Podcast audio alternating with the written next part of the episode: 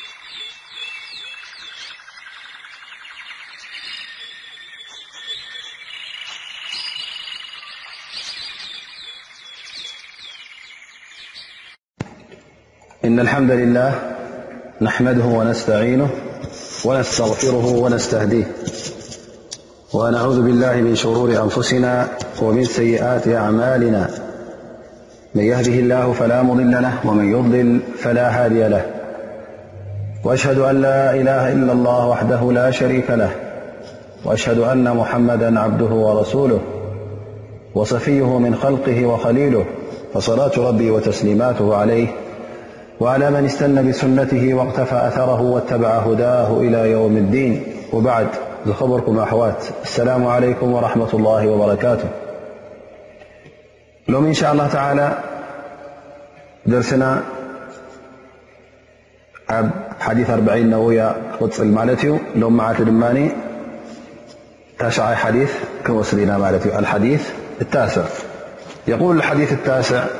عن أبي هرير عبد الرحمن بن سخر - رضي الله عنه - قال سمعت رسول الله صلى الله عليه وسلم يقول ما نهيتكم عنه فاجتنبوه وما أمرتكم به فاأتوا منه ما استطعتم فإنما أهلك الذين من قبلكم كثرة مسائلهم واختلافهم على رواه البخاري ومسلم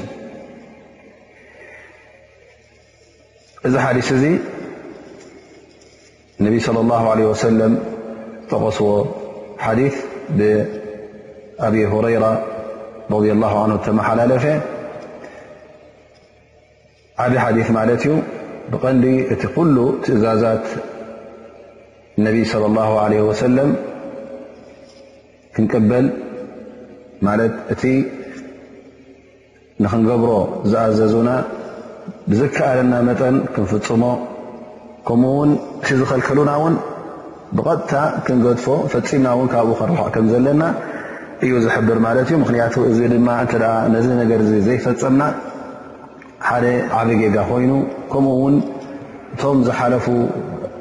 እመም እማታት ካብቲ ዓበይቲ ጌጋታት ዝፈፀምዎ ነቶም ኣንብያእ ናቶም ሕቶታት ዝኸውንን ዘይከውንን ሕቶታት ኣብዚሖም ይሓቱ ስለ ዝነበሩን ከምኡ እውን ኣብ ክንዲ ነቲ ትእዛዛት እውን እሺ ሕራ ኢሎም ዝቕበልዎ እውን እሺ ኢሎም ስለ ዝቕበሉ ዘይነበሩን መጥፍኦም ኮይኑ ነይሩ ኢሎም እነቢ ስለ ላ ለ ወሰለም ዝሓበሩና ማለት እዩ እዘን እዚ ሓዲስ እዚ ይብል ማ ነሃይትኩም ዓንሁ ፈጅተኒቡ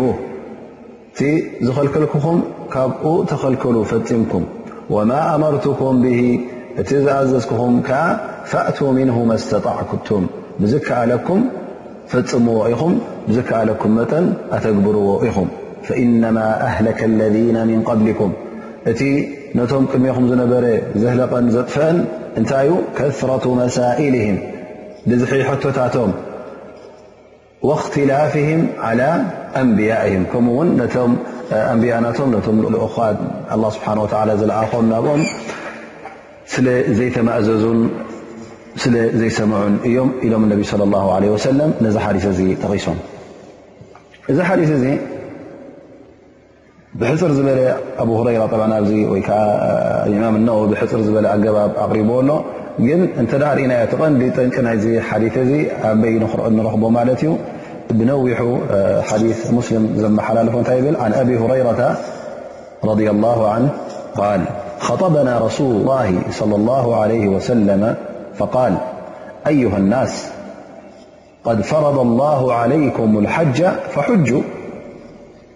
فقال رجل أكل عامن يا رسول الله فسك حتى قالها ثلاثا فقال رسول الله - صلى الله عليه وسلم لو قلت نعم لوجبت ولما استطعتم ثم قال ذروني ما تركتكم فإنما هلك من كان قبلكم بكثرة سؤالهم واختلافهم على أنبيائهم فإذا أمرتكم بشيء فأتوا منه ما استطعتم وإذا نهيتكم عن شيء فدعه ከምዚ ኢሎም ጠቒሶም ማለት እዩ። እዚ ሕቶ ዝሓተተ ድማ ወይ ከዓ እዛ ዘረባ እዚኣ እዚ ሓዲስ እዚ እንታይ ዘርኢ ዘሎ መጀመርያ ነቢይ ስለ ላ ለ ሰለም ሓደ ግዜ ኹጥባ እኸጥቡ ነይሮም ማለት እዩ።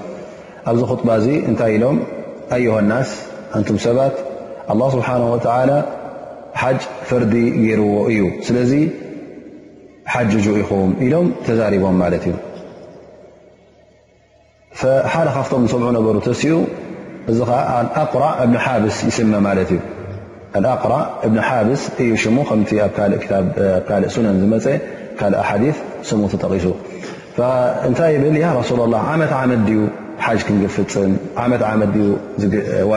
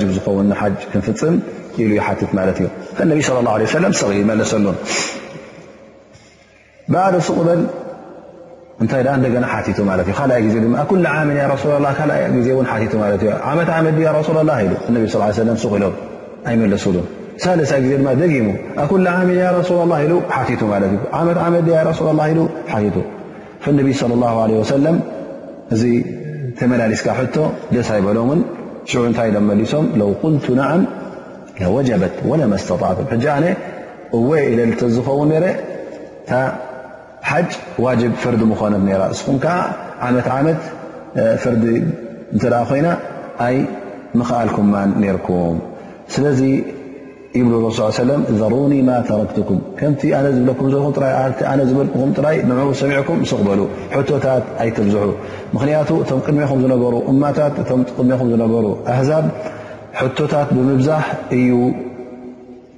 ንዕኦም ጠንቂ ናይ ጥፍኣቶም ኮይኑ ከምኡ እውን ሕቶታት ምስ ኣብዝሑ እቲ ትእዛዛት እውን ስለ ዝኸበዶም ነቲ ኣንብያ ዝበልዎም ትእዛዛት እውን ኣይተቐበልዎም ስለዚ እቲ ኣነ ዝእዝዘኩም ሕቶታት ከየብዛሕኩም ሕራይ ኢልኩም ብዝከኣለኩም መጠን ፈጽምዎ ኢኹም። እንተ ካብ ገለገለ ነገራት እውን ካብቲ ዝኽልክለኩም ዘለኹ ሓራም እዩ ዝኾነ ነገር ወይ ከዓ ኩልኩል እዩ ዝበልኩኹም ከዓ ካብኡ ተጠንቀቑ ተኸልከሉ ኢሎም እነቢ صለ ላሁ ለ ወሰለም ተዛሪቦም ማለት እዩ። ስለዚ ኣብዚ ሓዲስ እዚ ተን ክልተ ቀንድታት ናይቲ ትእዛዝ እነቢ ለ ላ ለ ወሰለም እነቢ ስ ሰለም እቲ ሒዞሞ ዝመፅኦ መልእኽቲ ወይ ንር ንክንፍፅም ይእዝዙና ወይ ከዓ ካብ ሕማቕ ነገር ካብ እከይ ነገር ካብ ንዓና ዘይከውን ነገር ኣብ ኣዱንያን ኣብ ኣራን ዘይጠቕመና ነገር ካብኡ ይኽልክሉና ማለት እዩ ስለዚ እዛ ሓዲስ እዚኣ ነዚ ጉዳይ እዚ እያ ብሓፈሽኡ ትጠቅስ ዘላ ማለት እዩ እዚ ንዝንዝን ከምዝን ከምዝን ይኽልኩል ኣይበለትን እንታይ ደኣ እነቢ ስ ሰለም ብሓፈሽኡ እንታይተኸልከልኩምሞ ኩሉ ፈፂምኩም ካብኡ ርሓቑ ኢሎም ማለት እዩ ዝተኣዘዝኩሞ ከኣ ብዝከኣለኩም መጠን ፈጽምዎ ይብሉና ኣለዉ ማለት እዩ ስለዚ ዝኾነ ይኹን ኣስላማይ እቲ እነቢ ስለ ላ ለ ወሰለም ኣይትቕረብዎ ተቆጠቡ ኢሎም ካብኡ ተቆጠቡ ኢሎም እነቢ ስለ ላ ለ ወሰለም ዝጠቐሱልና ፈፂምና ብሓፈሽኡ ክንርሕቕ ኣለና ማለት እዩ ቅርብ ክንብሎ የብልናን እንተ ደኣ ነቲ ተኸልከልናዮ ክንቀርቦ ኮይንና ኣብ ኩነታት ናይ ደሩራ ማለት ክትሓልፎ ዘይትኽእል ኢላ ንዑ ነዚ ጌጋ ዝፈፂምካ እተ ዘይኮነ ንኣብነት ኣላ ስብሓን ወተላ ሙቲ መይታ ንኸይንበልዕ ተኸልኪልና ኢና ስለዚ እንተ ሓደ ሰብ ጠምዩ ሕልፈት እተ መፅያቶ ነፍሱ ንኸይቀትል ነፍሱ ንኸይሓልፍ ምናልባሽ ካብዚ ናይ ሙውቲ ስጋ እንተበልዐ ይፍቀዶ ማለት እዩ ስለዚ ኣብቲ ዝኸልከልካዮ ንደሩራ እተ ዘይኮነ ፍፂምካ ክትቀርቦ የብልካ እተ ኣብዚ ሓዲስ ዝርኢና ማ ነሃይትኩም ን ፈጅተኒቡሁ ኢሎም ነቢ ስ ሰለም መስተጣዕቱም ኣይበሉን ብዝከኣለኩም መፀን ኣይበሉን ምክንያቱ ኣብቲ ናይ ትእዛዛት እቲ ክፍፀም ዘለዎ ትእዛዛት መስተጣዕቱም ኢሎም ማለት እዩ ማእመርትኩም ብሂ ፈእቱ ምንሁ መስተጣዕቱም ኣብቲ ተኸልከልናዮ ኣብቲ መሓረማት ዘብኡ ወይ ከዓ መክሩህ ዝኾነ ነገር ኣብኡ ግን ፈፂምኩም ካብኡ ትኸልከሉ ኢሎምና ማለት እዩ መስተጣዕቱም ኢሎም ኣይጠቐሱን ማለት እዩ ምክንያቱ እቲ ተኸልከልናዮ ኩሉ ብዘይ ንዕኡ ከይፈጸምናኸልና ኣብ ኣዱንያ ክንነብር ንኽእልና ኣድላይ ኣይኮነን እቲ ኩሉ ኣላ ስብሓን ወተላ ዝሓረምዎ ኣነቢ ስለ ላ ለ ሰለም ዝሓረምዎ ኣብ ኣዱንያ ብዘይ ክኡ ክትነብር ትኽእል ኢኻ ኣድላይ ኣይኮነን ማለት እዩ ስለዚ እነቢ ስ ሰለም ኣብዚ ሓዲስ እዚ ፈፂምኩም ካብኡ ተኸልከሉ ኢሎም ምክንያቱ ረብሓ የብሉን ኩሉ እቲ ኣላ ስብሓን ወተላ ዝኸልከለኩም ኣብ ኣዱንያኹም ሓንቲ ጥቕሚ ዘለዎ ኣይኮነን ስለዚ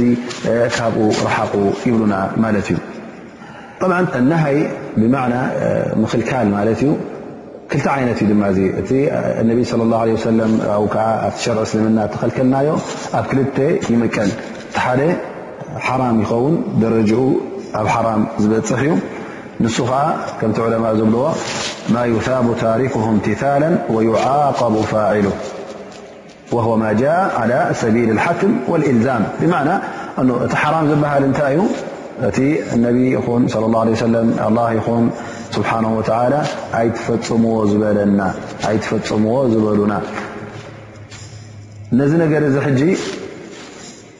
እቲ ሙሓረም ዝበሃል ኣይናዩ እንተ ሊላህ ኢልካ ትገድፎ ኮንካ ኣጅሪ ኣለካ እንተ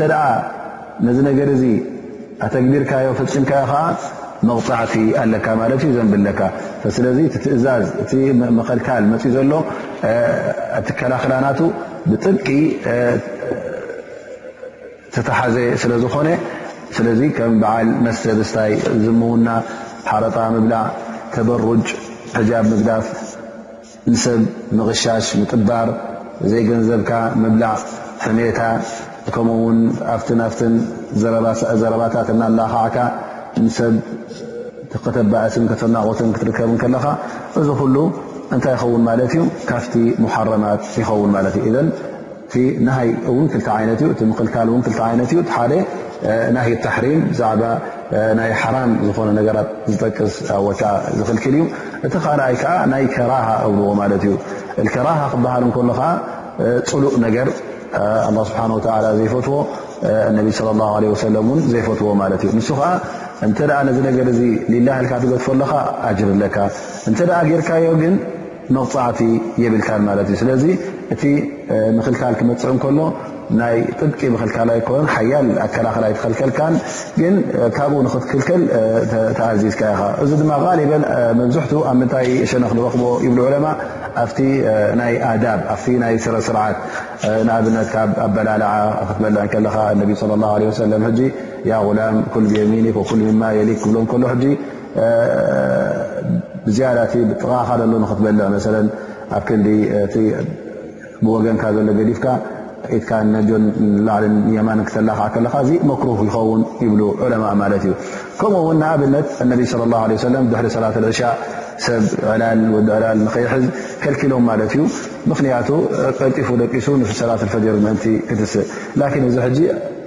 ግዴታ ኣይኮነን እንተ ጌርካዮ ወይ ከዓ እተ ድሕሪ ልዕሻ ኮፍ ኢልካ ዕላል ሕዝካ ገለ ሓራም ማለት ኣይኮነን እንታይ ደኣ መክሩህ ይበሃል ማለት እዩ ስለዚ መክሩህ እንተ ፈፂምካዮ መቕፃዕቲ የብልካን እንተ ደኣ ግን ሊላ ኢልካ ገዲፍካዮ ኣጅሪ ኣለካ ማለት እዩ ስለዚ እቲ ንትእዛዛት ኣላህ ስብሓን ወተዓላ ንትእዛዛት ነቢና ሙሓመድ ለ ላ ለ ወሰለም ንኹሉ ብጥብቂ ብፅቡቕ ኣገባብ ዝሕዞ እዚ ዝሰብ እዙ ቅኑዕ ኣስላማይ ሙሉእ ዘይጉዱል ኣስላማይ ይኸውን ማለት እዩ ስለዚ እቲ ሙሓረማት ዝበሃል ካብኡ ክትክልከል ከለኻ እቲ መክሩሃት እውን ደጊምካ ካብኡ ክትክልከል ከለኻ እዚስኻ ዝዓበየ ደረጃ ትበፅሓ ኣለኻ ማለት እዩ ኣብቲ ሙሉእነት ናይ ኣስላማይ ትበፅሓ ኣለኻ ማለት እዩ ኣብቲ ተቕዋ ዝበሃል ተቒ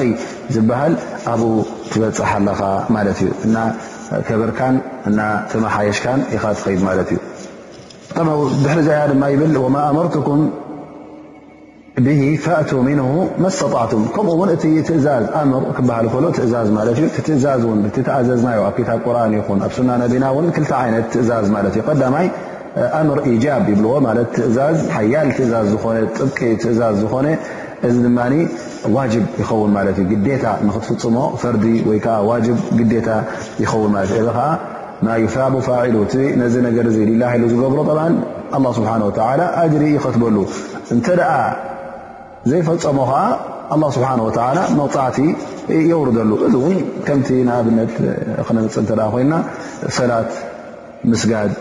ሓደ ካብቲ ቀንድታት እስልምና ተኣዘዝናዮ እዩ ካልእ እውን እቲ ኣርካን ዲን እስላሚ እቲ መኣዝን ናይ እስልምና ኣርካን እስላም ሰላት ኮይኑ ዘካት ኮይኑ ሓጅ ኮይኑ ስያም ፆም ኮይኑ እዚ ኩሉ እንታይ ዝሕሰብ ካብቲ ዋጅብ ካብቲ ፈርዲ ዝኾነ ግዴታ ብሓያል ትእዛዝ ዝተኣዘዝናዮ ማለት እዩ ክትገድፎውን ዘይፍቀደካ ማለት እዩ እተ ጌርካዮ ሊላ ኢልካ ኣጀር ትረክበሉ እተ ጠንፂንካን ገዲፍካን ድማ መቕፃዕቲ ይወርደካ ማለት እዩ ከምኡ ውን ንወለድኻ ምምእዛዝ ወለድኻ ምምክባር ከምኡ ውን ፍርድኻ ፍትሒ ዝሓዘ ፍርዲ ክኸውን ከሎ እቲ ኣላ ዝኣዘዞ ድማ ኩሉ ናይ ሸርዒ ኣብ ግብሪ ከተውዕሎ ከለኻ ነቶም ኣላ ስብሓን ወተላ ክትናብዮም ከም ደቅኻን ሰበይትኻን ዝኣመሰሉ ወለድኻ እንተ ውን ኣብ ዕቤቶም ኣለዉ ኮይኖም ካባኻ ጥራይ ክእለት ዘይብሎም ባዕሎም ክነብሩ ኮይኖም ንስኻ ክእለት ዘለካ እተ ኮይንካ ክትናብዮምን ክትከናኸኖምን ናይ ብልዖምን ናይ መስተዮምን ናይ ገዝኦምን ናይ ኩሉ ንብረቶም ክትሕልወሎም እዚ እውን ሓደ ዋጅብ ይኸውን ስለዚ ዋጅባት ውሑድ ኣይኮነን እዚ ግን ከም ኣብነት ጠቒስናያ ማለት እዩ እዚ ሕጂ ሓደ ካብቲ ትእዛዝ ጥብቂ ትእዛዝ ዝኾነ ማለት እዩ ሓያል ትእዛዝ ዝኾነ ዋጅብ ወይ ፈርዲ ማለት እዩ ካልእ ዓይነት ትእዛዝ ኣሎ ውን ኣብ ሸሮ እስልምና ኣብ ክታብ ቁርን ይኹን ኣብ ሱና ነቢ ኣላ ስብሓን ወላ ክእዘና ከሎ ኣትሪሩ ይኣዘዘናን ነቢ ስ ሰለ ክእዝዙና ከሎውን ኣትሪሮም ኣይኣዘዙናን ግን እዚ ኣምር እስትሕባብ ይበሃል ፍቱ ሱና ይበሃል ሙስታሓብ ይበሃል እንተ ነዚ ፈፂምካ ከዓ ኣጅር ኣለካ ሊላ ኢልካ ስለ ዝገበርካዮ ሊላ ኢልካ ክትገብሮ ከለካ ኣጅሪ ትረክብ እንተ ሸለል ኢልካዮ ወይ ከዓ እተ ገዲፍካዮ መቕፃዕቲ የብልካን ዘንቢ እውን ኣይ ክተበካን እዩ ግን ኣጅሪ ከዓ እጎድል ኣሎ ማለት እዩ እቲ ነዚ ነገር እዚ ዝፈፀመን እቲ ዘይፈፀመን ኩሎም ሓደ ይኮኑን እንታይ ደኣ እቲ ዘይፈፀመ ኩሉ ግዜ ኣጅሩ ይውሕዶ ማለት እዩ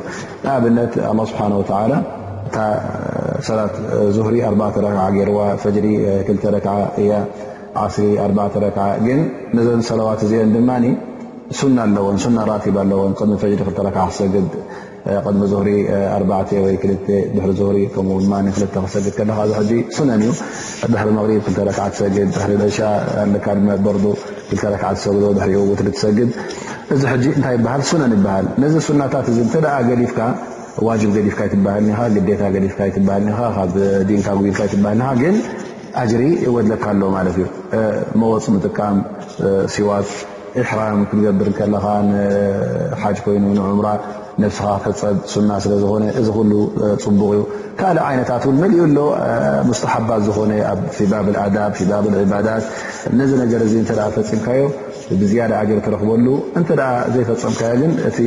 መቕፃዕቲ ኣለካ ማለት ኣይኮነን እንታይ ደኣ ኣጅርካ ጥራይ ጎዲዱ ይተርፍ ማለት እዩ ስለዚ ዝኾነ ይኹን ኣስላማይ እቲ ዋጅባት እቲ ዋጅብ ተባህለ እቲ ቐንዲ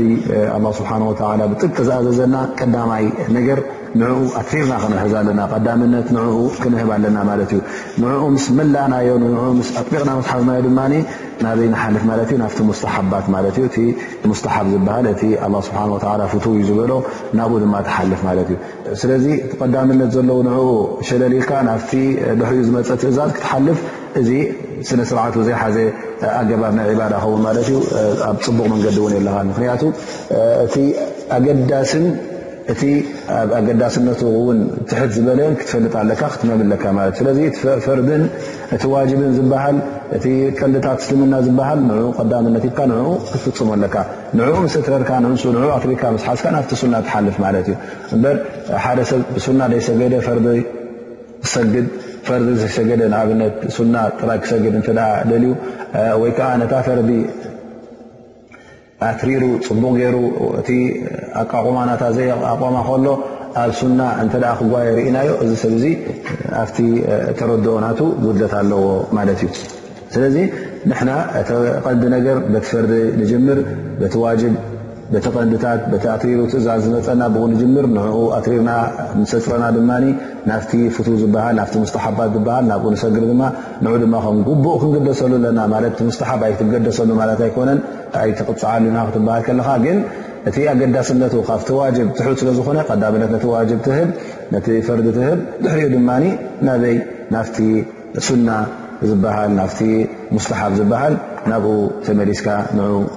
ኣብ ግብሪ ተውዕል ዑለማ ብዛዕባ ሃል ኣይናይ ይበልፅ ኢሎም ሃል ተርከል መንህያት ፈርዲ ናቱ ዶ ይበልፅ ወይ ፍዕለል ማእሙራት ብማዕና ማለት ሃል እቲ ተኸልከሉ ዝተባሃልናዮ ካብኡ ክንክልከል እንከለና ዶ ብልፀት ኣለዎ ወይስ እቲ ግበርዎ ኢሉ እተኣዘዘና እንተገበርናዮ ንሱ ይበልፅ ኣዩናይ ይበልፅ ኢሎም ዑለማ ብዛዕባ እዚ ተዛሪቦም ማለት እዩ። ገሊኦም እቲ ኣላ ስብሓን ወተዓላ ዝኸልከለና ኣባ ካብኡ ክንክልከል ይበልፅ ኢሎም ቀዳምነት ንዑ ሂቦም ማለት እዩ ካልኦት ድማ ላ እቲ ኣላ ስብሓን ወተዓላ ግበር ወይሉ ዝኣዘዘና ንዑ ክንገብር ከልና እዚ ይበልፅ ይብሉ ጠብ ነናቶም መርትዖታት ኣቕሪቦም ግን እታ ዝሓሸት ርእቶ ከም ዝብልዎ ዑለማ እታ ኣላ ስብሓን ወተዓላ ግበርዎ ዝበለና ክንገብር ከለና ንስኡቲ ብልፀት ዘለዎ ይብሉ ማለት እዩ ነዚ እንታይ መርትዖ ኣቕሪቦምሉ ይብሉ ኣላ ስብሓን ወተላ ንእብሊስ ሸይጣን ትእዛዝ ኣመሓላሊፍሉ እሱ ከዓ ንኣደም ስጁድ ንክገብረሉ ማለት እዩ ሸይጣን ነዚ ትእዛዝ እዚ ኣይንእዘዝን ኢሉ ኣብዩ ምስ ኣበይ እንታይ ተረኸበ ማለት እዩ ኣላ ስብሓን ወተላ ካብቲ ራሕማናቱ ረጊሙ ልዒኑ ሰጒግዎ በዛ ዘንቢ እዚኣ በዛ ዓባይ ወንጀል እዚኣ ድማ ተቐፂዑ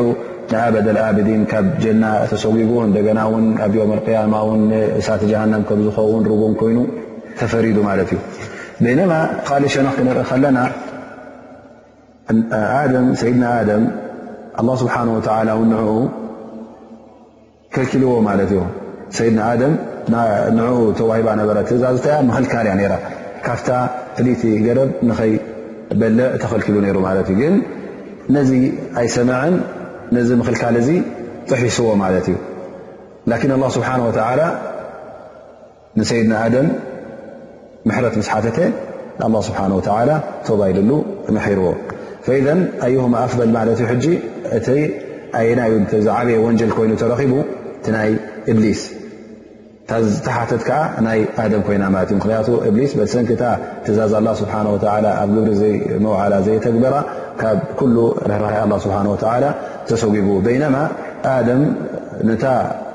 ተኸልኪልዋ ዝነበረ ንዓኣ ነታ ምኽልካል ፈፂምዋ እንከሎ ተጋጊ እንከሎ ግን ኣላ ስብሓን ወተዓላ ቶባ ኢሉሉ ስለዚ እሳ ፈኺሳ ማለት እዩ ናይ ሰይድና ኣደም ትፈኩስ ስለ ዝኾነት ኢሎም በዚ መርትዖ ኣቕሪቦም ማለት እዩ ኣብዚ ሓዲስ እውን እንታይ ይብል ነቢ ለ ላ ለ ወሰለም ፋእቱ ምንሁ መስተጣዕቱም ፈእቱ ምንሁ መስተጣዕቱ ማለት ዛዘዝኩኹም ብዝከኣለኩም መጠን ፈፅምዎ ዑለማ ካብዛ ቃል እዚኣ ሓንቲ ነገር ብዛዕባ ናይ እሱል ፈቀ ሓንቲ ኣርእስቲ ኣውፅኦም ማለት እዩ ወይከዓ ሓንቲ መሰረት ዝኾነት ቃል ጠቂሶም ይብሉ ኣልመይሱር ላ የስቁጡ ብልማዕሱር ኣልመይሱር ላ የስቁጡ ብልማዕሱር ማለት እቲ እትኽእሎ ንክትፍጽሞ እትኽእል ነገር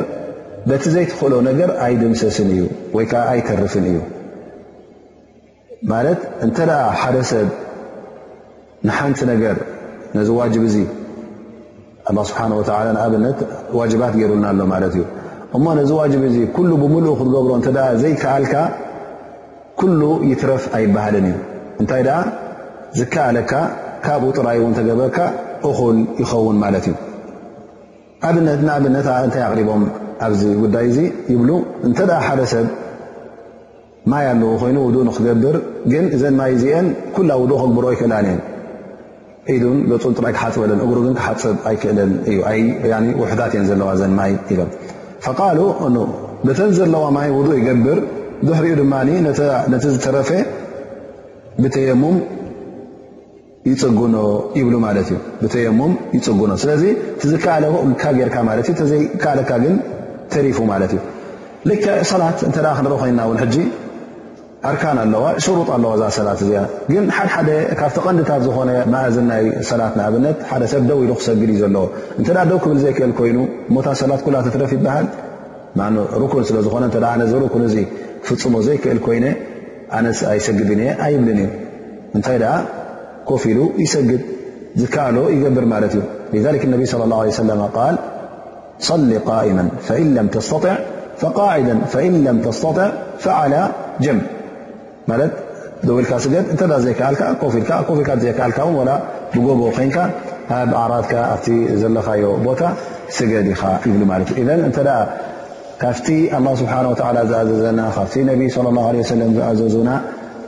ግዴታ እንተ ኩላ ዘይንኽእላ ኮይና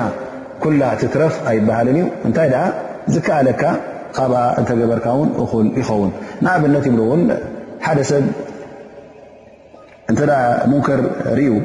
ነዚ ሙንከር እዚ ኩሉ ክቕይሮ ኣይከኣለን ግን ፍርቁ ክቕይሮ እተ ኮይኑ ወይ ከዓ ከጓድሎ ከፋኽሶ እተ ዝኽእል ኮይኑ ክቃለስ ኣለዎ ንኸፋኹሶ ኣነስ እዚ ሙንከር እዚ ኩሉ እተ ዘይጠፍእ ኮይኑ እንታይ ገዲሹ ዝትዕብ ክብል የብሉን እንታይ ደኣ ዝከኣሎ ይገብር ማለት እዩ ፈየፍዓል ማ ተየሰራ ለሁ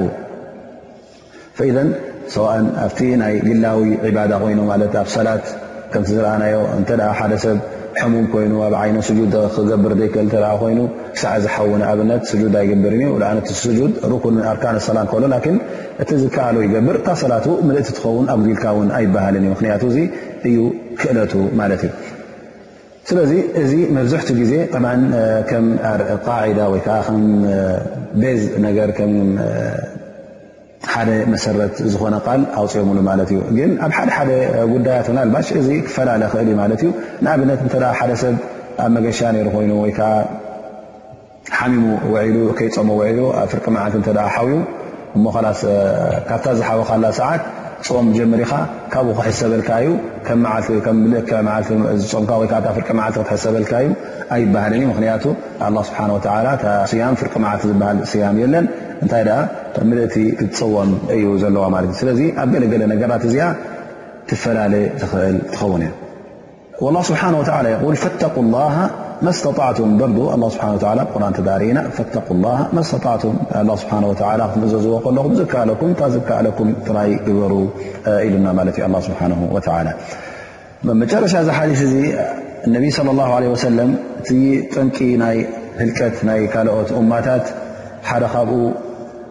እንታይ ነይሩ ኢሎም እቲ ሕቶታት ምብዛሕ ነቶም ኣንብያ ድማ ምስኦም ደይምንዐኦም ዘይምምእዛዝ እዩ ነይሩ ይብሉ ማለት እዩ ስለዚ ካብዚ እውን የጠንቅቐና ኣለዎ ማለት እዩ ነቢይ ለ ላ ለ ወሰለም ከምኦም ንኸይንኸውን ከምዞም እማታት እዚኦም ንኸይንመስል እነቢይ ለ ላ ለ ወሰለም መጠንቀቕታ ይህውና ኣለዉ ማለት እዩ እቲ ሕቶታት ተኸልከለ ሕቶታት ከ እንታይ እዩ እንተ ኢልና ከነሓትት ኮይና እዚ ሕቶታት እዚ ናይ ህልቀት ጸንቂ ተባሂሉ እተጠቐሰ ኣወለን ካብቲ ሕቶታት እቲ እንተ ሸርዒ እስልምና ትወሓይ ኣላ ስብሓን ወተላ ማለት ኣብ ቁርን ይኹን ኣብ ሱና ይኹን ኣላ ስብሓን ወተላ ዘይጠቐሶ ነገር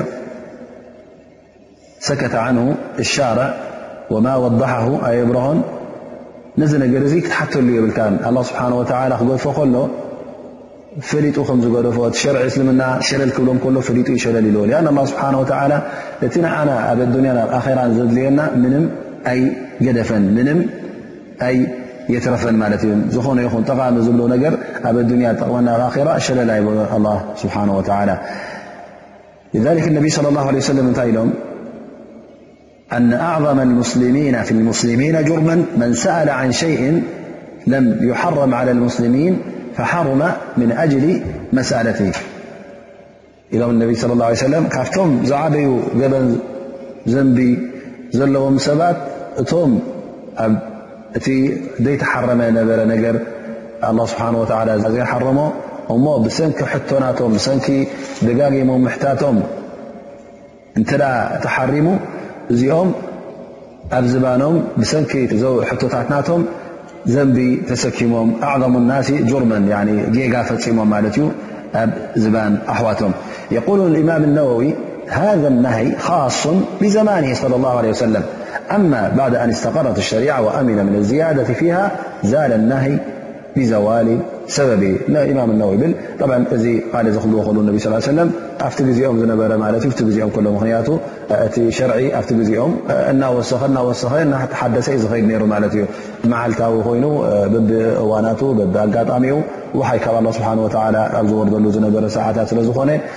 ስለዚ ብሰንኪ ሕቶ ናይቶም ገለ ሰባት ካብቶም ኣስሓብ ነቢ ብሰንኪ ሕቶኦም እንተ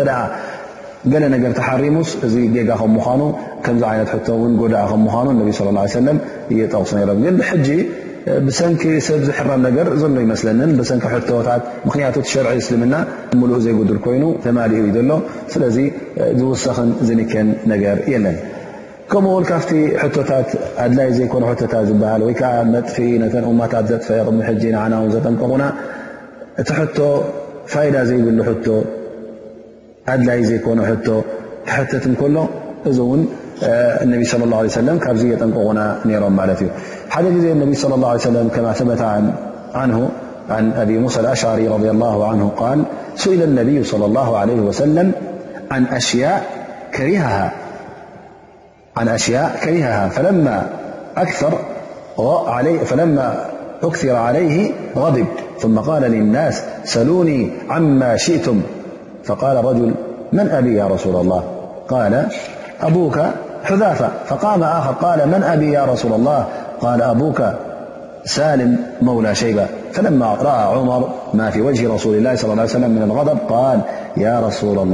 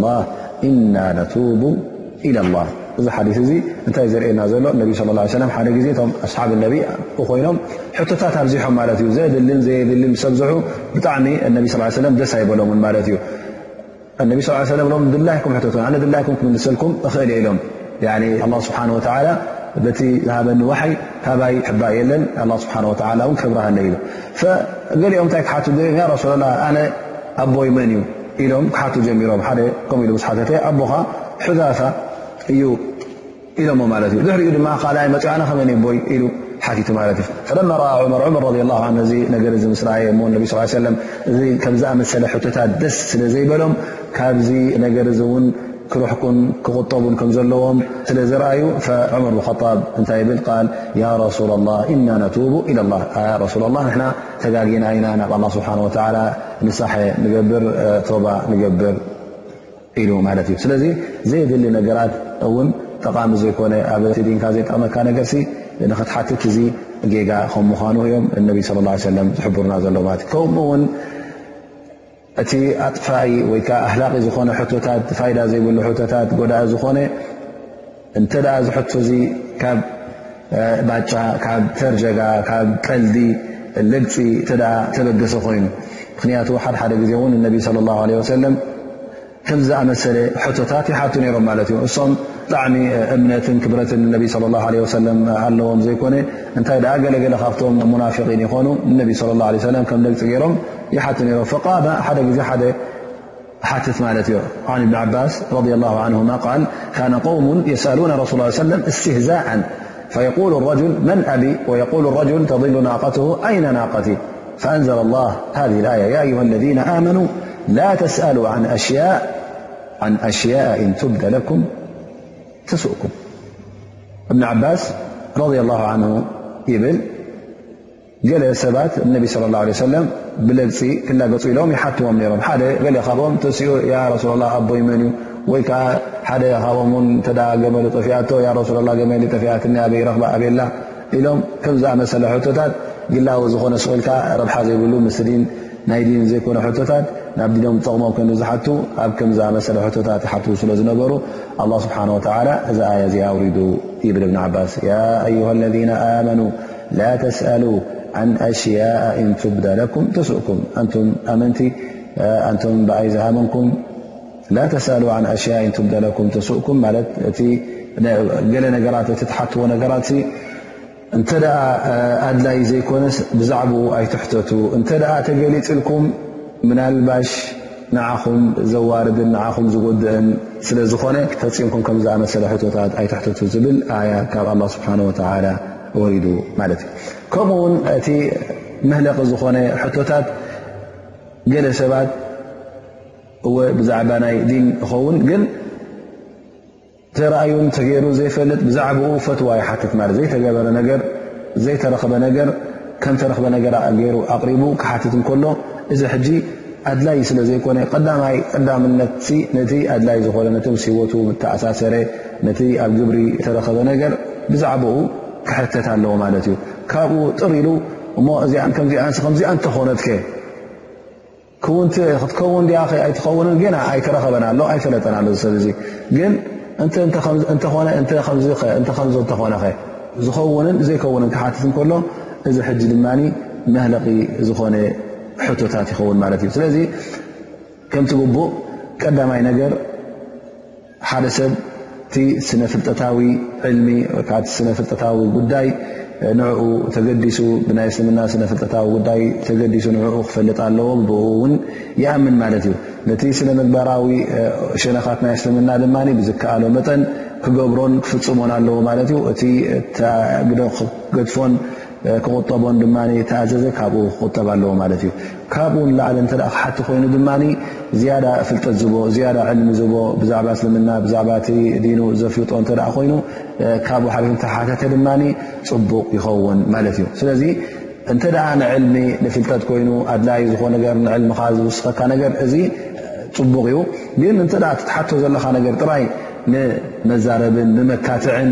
ጥራይ እንተ ደኣ ኮይኑ ከም ክትዕ ኢልካ ጥራይ ከተቕርቦ እሞ ከምዚ ተኾነኸ ከምዚ ነይሩ እንተ ኮነኸ ዘይኮነ ነገር እንከሎ እንተ ናብኡታት ክትሓልፍ ኮንካ ሕጂ እስኻ ድልት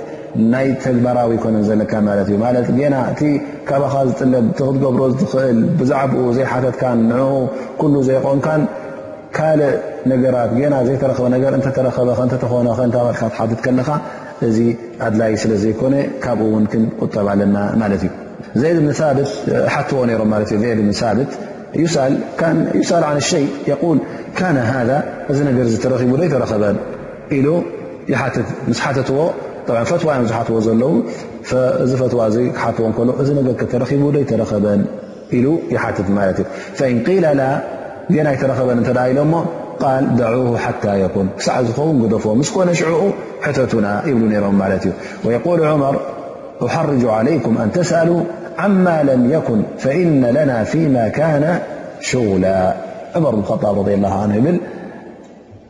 ተጠንቀቑ ኢኹም ፈጺምኩም ዘይተረኸበ ነገር ዘይኮነ ነገር ብዛዕባኡ ኣይትሕተቱ እቲ ተረኺቡ ዘሎ ንበይኑ ንሱ ይኣኽለና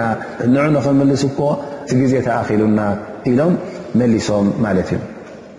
ካብቲ ክልኩል ዝኾነ ሕቶታት እውን ተቐባልነት ዘይብሉ መጥፍኢ ዝኾነ ሕቶታት እንተ እዚ ሕቶ እዚ ዝያዳ ተሸዱድ ወይ ከኣ ተዓኑት ዘለዎ እንተ ኮይኑ ማለት ነቲ ጉዳይ ዝያዳ ዘዕጽቆን ዘጽብቦን ዝኣመሰለ ሕቶ እንተ ኮይኑ እዚ እውን ክልኩል ይኸውን ማለት እዩ ንኣብነት ነዚ ከምዚ ዝኣመሰለ ሕቶ ከመይ ኢሎም ዕለማ ኣብነት ክቡ ከለዉ ይብሉ ንኣብነት በኒ እስራኤል ኣላ ስብሓን ወተላ ንሙሳ ልኢኹ እንታይ ኢሎም እና ላ የእምሩኩም ኣንተዝበሑ በቐራ ኣላ ስብሓን ወተላ ላም ሕረዱ ኢሉ ኣዚዝዎም ማለት እዩ እንታይ ክገብሩ ነይርዎም እዞም ሰባት እዚኦም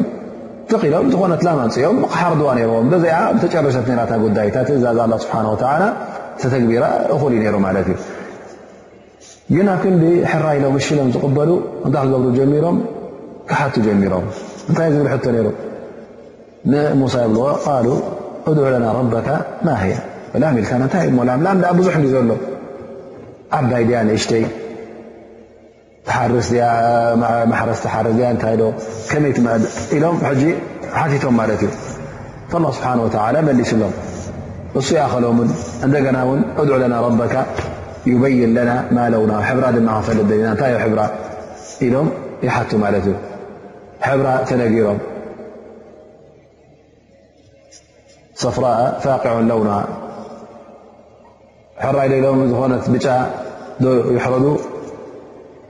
እንታይ ኢሎም በሉ እንደገና ውን ቃሉ ድዑ ለና ረበካ ዩበይን ለና ማያ ሰለስተ ኣርባዕተ ሻ እንታይ ክገብሩ ተራእዮም ክሓትቶ እዘን እታ ጉዳይ ኣብ መጀመርያ ቀላል ነራ ማለት እዩ ን ላ ስብሓን ወተላ ላም ክሓርዱ ዩ ኣዚዝዎም ኣምፃእ ቢሎም ካብ ዝኾነት ላም ሕርተ ዘብልዋ እታ ጉዳይ ማእኸለት ራ ግን ባዕሎም ብሕቶታት ምብዛሖም እንታይ ትመስላም እያ እንታይ ሕብራ ከመይ ካይዳኣ ክንደይ ዕድሚኣ እንታይ እኣ ትገብር እናበሉ ዝኩሉ ምስ ሓተቱ ላ ስብሓን ወተላ ብሰንኪታ ናቶም ሕቶታት እታ ጉዳይ እውን ኣበርቲዑ ኣሎም ማለት እዩ ኣብ መጨረሻ እዛ ላም እዚኣ እታ ኣላ ስብሓን ወተላ ኣብ ቁርን ዝጠቐሳላም እንታይ ኮይና ኣብ ምሉእ ህብረተሰብ እስራኤል ዘይትርከብ ኣብ ሓንቲ ቦታ ምስ ሓደ ሰብ እትርከብ ሓንቲ ላም ጥራይ ኮይና ማለት እዩ ሕጂ እንታይ ክገብሩ እዮም ክኸሉ ክኸሉ ረኺቦማ መጨረሻ ምስ ረኸብዋ እውን እቲ ክሸጠሎም ዝቐረበ እውን ዓብዪ እንታይ ጠሊቡ ዓብዪ ዋጋ ጠሊቡ ማለት እዘ እዞም ሰባት እዚኦም ባዕሎም ብሰንኪ ሕቶታቶም እታ ጉዳይ ቀላል ዝነበረት ጉዳይ እንታይ ኮይና ሓያልን ብርትዕትን ኮይና ማለት እዩ ካብቲ ዘየድሊ ሕቶታት እውን ኣላ ስብሓን ወተላ ዘይፈትዎ ኣብ ሸር እስልምና ፍትው ዘይኮነ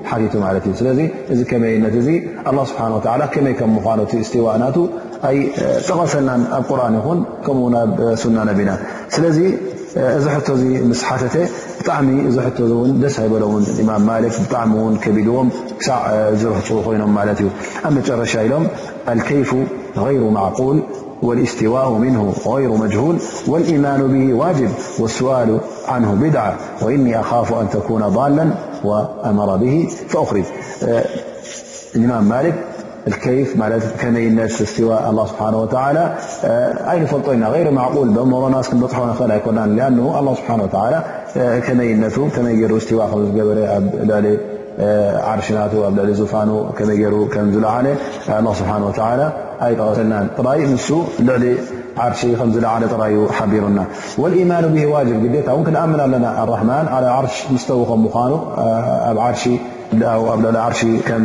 ዘሎ ኣላህ ስብሓነሁ ወተዓላ ብዛዕባ እዚ እውን ንክትሓትት ከይፍያ ከመይነቱ ክትሓትት እውን ቢድዓ እዩ ኣድላይ ኣይኮነን ኣብቶም ኣስሓብ ነቢ ስለ ላ ሰለም ኣይነበረን ብድሕሪኦም እቶም ሰለፈ ሳልሕ ዝበሃሉ እውን ኣይነበረን ስለዚ ኢሎም እዚ ነገር እዚ ቢድዓ እዩ ሓድሽ ነገር እዩ እስኻ እውን ባል ጥፉእ ኢኻ ሰብ ጥርጥራ ንክተትወሉ ወይ ከዓ ዘየድሊ ነገራት ሕቶታት ኣምፅእካ ንሰብ ንክትርብሽን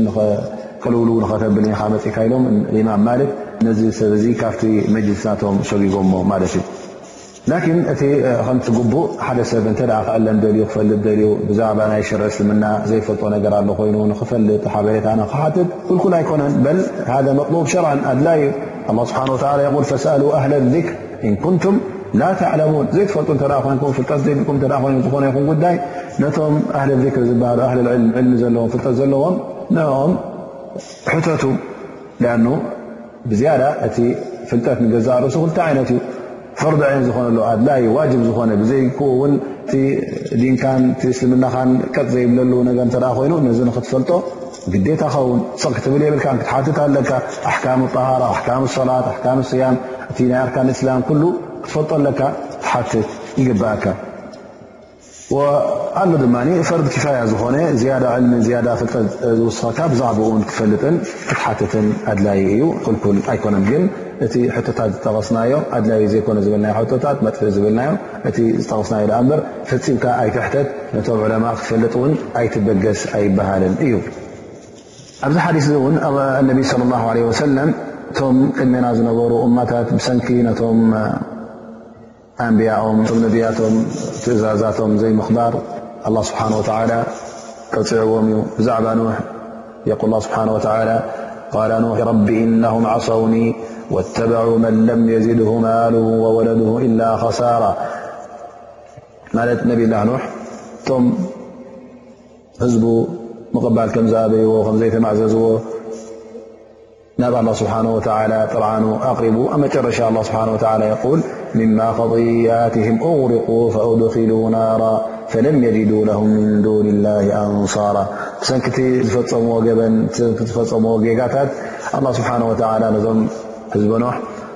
እቕሪቁ ብማይ ኣይሂ ከም ዝጠልቁን ከም ዝሞቱን ገይርዎም ማለት እዩ ኣብ መጨረሻ ድማ ንእሳተ ጀሃንም ኢልዎም ማለት እዩ ስለዚ ዝኾነ ይኹን ኣስላማይ እቲ ነቢ ስለ ላ ለ ሰለም ዘምፁልና ሸርዒ ቀጢልና ንዑ ሒዝናዮ ክንከይድ ኣለና ኣብ ኩሉ መዳያት ኣብ መዳይ ናይ ግላዊ መዳይ ኮይኑ ኣብ ናይ ኤኮኖማዊ መዳይ ኮይኑ ኣብ ናይ ማሕበረሰባዊ መዳይ ኮይኑ ኣብ ኩሉ መዳያትና ቀጥ ኣቢልና ነቲ ምስልምናና ሒዝና ነቲ ትእዛዛት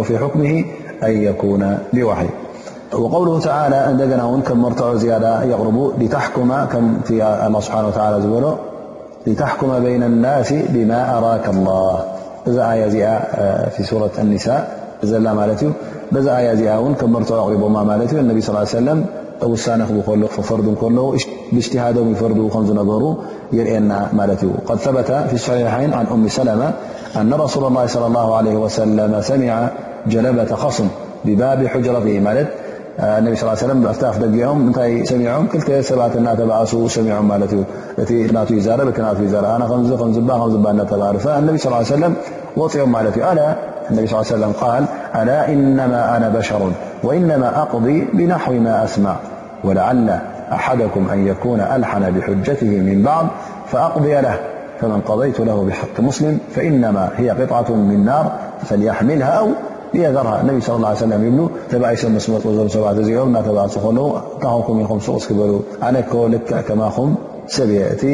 ክፈርደኩም እንከለኹ ድማ በቲ ካባኹም ዝሰማዕኩዎ እየ ዝፈርደኩም ዘለኹ ምናልባሽ እውን ሓደኹም ኣብቲ ዘራርብኡ ክእለት ክኢላ ይኸውን ክእለት ይሃልዎ ምናልባሽ እታ ጉዳይ ከም ሓቂ ገይሩ የቕርባ ኸውን ኣነ ድማ ንዕኡ ሰሚዐ ነቲ ዘቕረቦ መርትዖታት ርኤ ብኡ እየ ዝፈርድ ስለዚ ኣነ ክፈርደኩም እንከለኹ ምናልባሽ እቲ ዝቦ ዘለኹ ፍርዲ ምስቲ በዓል ሓቂ ይከውንን ምኽንያቱ ኣነ በቲ ዝሰማዕክዎ እቲ ከምዝን ከምዝን ገይረ ክብል ከሎ ፅቡቕ ክዛረብ ከሎ እቲ ሓደ ሰኣን ክእለቱ ምናልባሽ እታ ጉዳይ ብፅቡቕ ኣገባብ ገይሩ ስለ ዘየቕረባ ከም ሓቂ ዘለዎ ስለ ዘይመስል ምናልባሽ ነቲ ዘይበዓል ሓቂ እፈርዶ ኣለኹ ስለዚ እንተ ሓደ ሰብ ኣነ ክፈርደሉ ከለኹ ሓላል እያ ማለት ኣይኮነትን እንታይ ደኣ ዘይናቱ እንተ ኮይና ወላ ኣነ ፈሪደያ እንከለኹ ማለት ናትካ ኢለዮ እንከለኹ እዚኣ እዛ ነገር እዚኣ ልክዕ ከም እሳት ገይሩ ከም ቅጥዓቱ ሚናር ማለት ቁራፅ ና እሳት ከም ምዃና ክርዳእ ኣለዎ እንተ ደልዩ ሕጂ እዛ እሳት እዚኣ ወይ ይውሰዳ ንዕኡ ይፍሰከማ ወይ እውን ይግደፋ ኢሎም እነቢ ለ ላ ለ ወሰለም ኣብ መጨረሻ ዓላ ኩል ሓል ገለ ገለ ሕፅር ሕፅር ዝበለ ፋይዳታት እንተ ክንጠቅስ ኮይና እዚ ሓዲስ እዚ እንታይ ዝርእየና ዘሎ ዘሩኒ ማ ተረክትኩም ክብሉ ከለዉ ነቢ ስለ ላ ሰለም ከምቲ ዝገደፍኩኹም ከምቲ ኣነ ዝበልኩኹም ኣብኡ ጥራይ ሰጥ በሉ ኣብኡ ጥራይ ሓዙ ካብኡ ንላዕሊ ብሕቶታት ኣይተብዝሑ ክብሉ ከለዉ ማዕናሃ እኑ ዝኾነ ይኹን ነገርሲ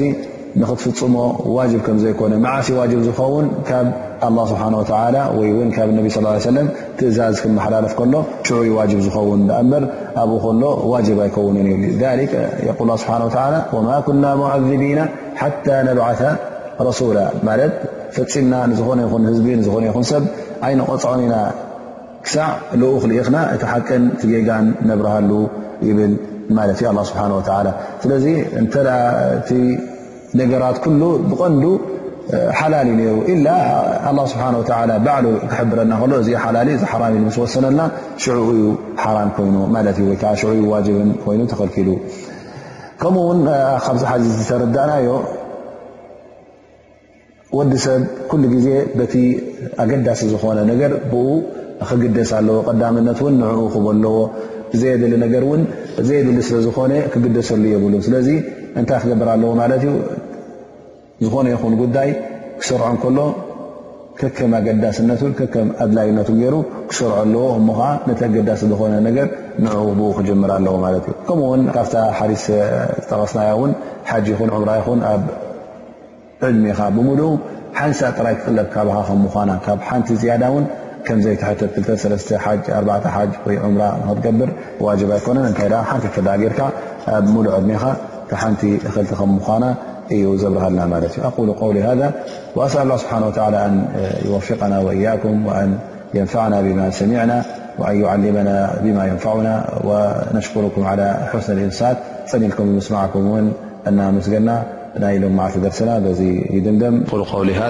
سرسسأل الله سبحانه وتعالى أن ينفعنا بما سمعنا وأن يعلمنا ما ينفعنا وصلى الله على نبينا محمد وعلى له وصحبه وسلم أجمعين